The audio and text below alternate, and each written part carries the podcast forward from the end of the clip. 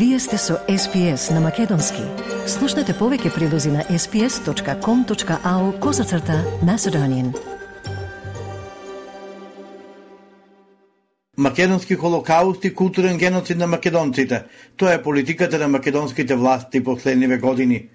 Вака, жестоки критики до владата испрати првиот човек на Македонската академија на науките и уметностите, академик Лјупчо Коцарев, на годишното собрание на академијата. Затоа повикувам одговорните за овој грозоморен чин јавно да им се извинат на македонците, договорите со Грци и со Бугарија кои што представуваат културен геноцид на македонците. Во колективната меморија на македонскиот народ да се менуваат со синтагмата македонски холокауст и надлежните институции во Македонија да предложат ден за комеморативно одбележување на македонскиот холокауст.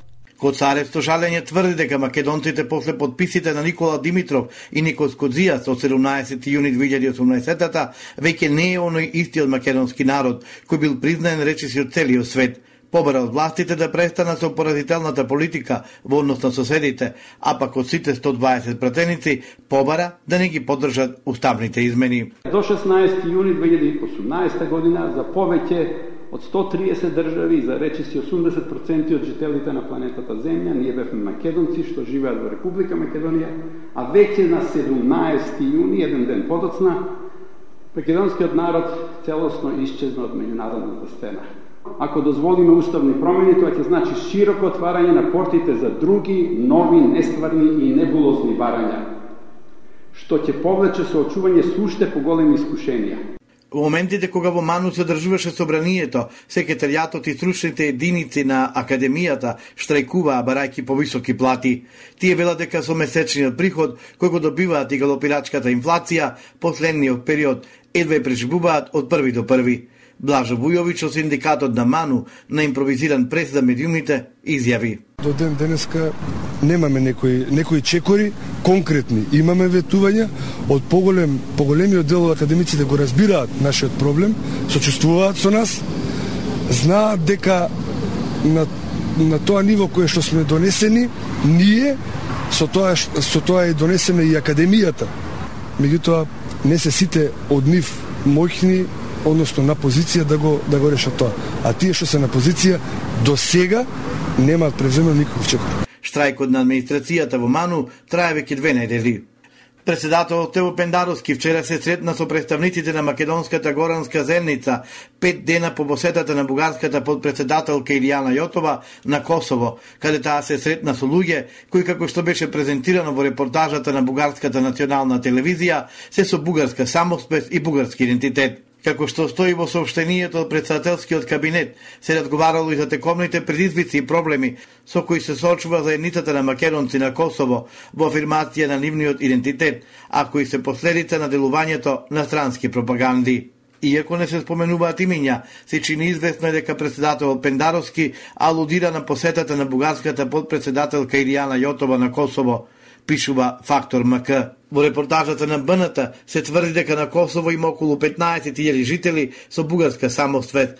Како доказ за таквото тврдење се наведува дека така тврдат тамошни жители. Уопсен е вториот напаѓач на Христијан Пендиков, секретарот на бугарскиот клуб Цар Борис III, кој беше претепан минатиот месец во Охрид. Тан во одбор за битолчането сомничен кој е приведен од страна на охридската полиција. Поред првичните информации, тој се сомничи за тешка телесна повреда. Завчера полициските службеници од СВР Охрид го лишиле од слобода БА, 23 годишен од Битола, Тој бил баран по централна потерница поради постојање основи на сомнение за сторено кривично дело, тешка телесна повреда по член 131 од кривичниот законник.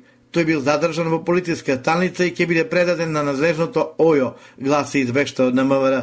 Предходно според Бугарската фондација Македонија, станува збор за извесен Борче Ангелов од Битола. Илија Спасевски прво уапсениот напаѓач на Пендиков, од завчера повеќе не е во притвор. Судското рочиште за него е закажано за 28 февруари. Поранешниот министер за внатрешни работи Љубе Бошковски доби ослободување од основниот кривичен суд Скопје по повтореното судење за случајот кампања. стануваше збор за повторена постапка, каде актуелниот владин соработник веќе беше осуден на 5 години затвор, кој ги одлежа во затворот Идризово.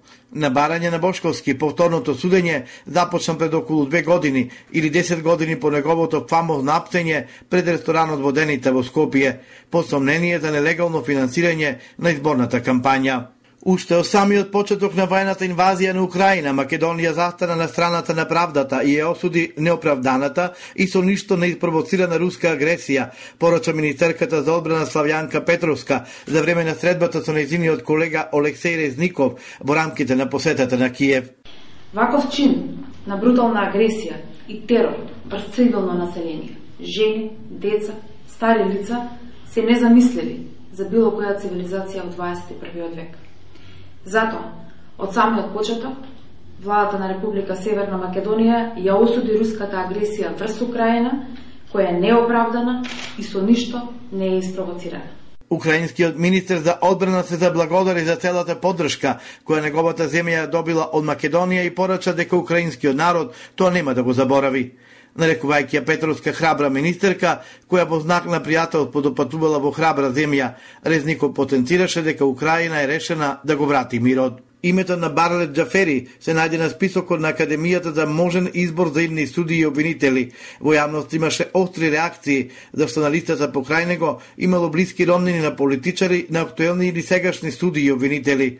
Државната комисија за спречување корупција објави дека синот на собранискиот спикер се здобил со право да полага правосуден испит во 2015 година, иако се уште не бил дипломиран. Со реакција на овие написи се јави председателот на собранието Џафери, Вели дека комисијата ја запрела постапката и утврдила дека неговиот син не извршил злоупотреба. Јас сум свесен како председател на собранието, како носител на јавна функција, Сензацијата е поголема кога ќе се работи за член на семејството на носител на висока функција. Антикорупција имала значи, постапка, запрена таа постапка, не можело да се утврди злоупотреба од страна на мојот син, работа на институциите, друга работа и тоа не го засега ни синот мој, ни, ниту мене. Магдалена Филиповска Грашковска, генералната директорка на Фондот за здравство, на брифинг се огласи по хакерскиот напад во незината институција. Како што истакна таа, за овој случај е отворена истрага и верува во незиното целосно разрешување и појаснување на целиот проблем. Цитирам, Не смеам да кажам дали некој ни побара откуп од страна на хекерите. Отворена истрага и за ова не смеам да коментирам.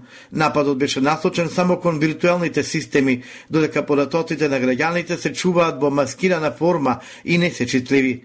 Нема одлив на податоците на граѓаните. Гарантирам дека податоците на граѓаните не се афектирани, рече Грашковска. Според сите анализи на IT експертите, нема одливање на податоците на граѓаните Граѓаните да се спокојни, податоците не бе украдени, тоа се спекулации, податоците се безбедни и се заштитени во фондот. Во моментов тече истрага за сите детали и кога истата ќе заврши, ќе биде можно да се споделат и повеќе информации. Министерството за политички систем на Артан Груби годинава има буџет од 4 милиони и 300 илјади евра или 4 пати повеќе пари од касата на антикорупцијска комисија и финансова полиција. Сторијата која ја објави Билн по наслов скриени хонорари во Министерството на Артан Груби открива дека во Министерството се веќе вработени 354 луѓе но груби годинава тимот го одголемува за уште 69 ново вработени. Сепак и овие се малку, попреку авторски агенции, за една година ангажирал дополнителен кадар надбор од вработените за хонорар од 22.000 денари до преку 300.000 денари месечно, објави Телма. На овој начин за хонорари во 2022 година Бин пресметале дека Министерството на Груби исплатило околу 160.000 евра. Иако побарале од Билн не успеале да добијат податоци за луѓето што биле ангажирани. Во дописите нема опис зошто се ангажирани лицата, наведен е само износот, а во описот на фактурата пишува договорци. Бин пишува и дека Груби плаќал и за консултантски услуги. Само преку една агенција за една година биле исплатени 7600 евра. Сакате ли да чуете повеќе прилози како овој? Слушате подкаст преку Apple Podcasts, Google Podcasts, Spotify или од каде и да ги добивате вашите подкасти.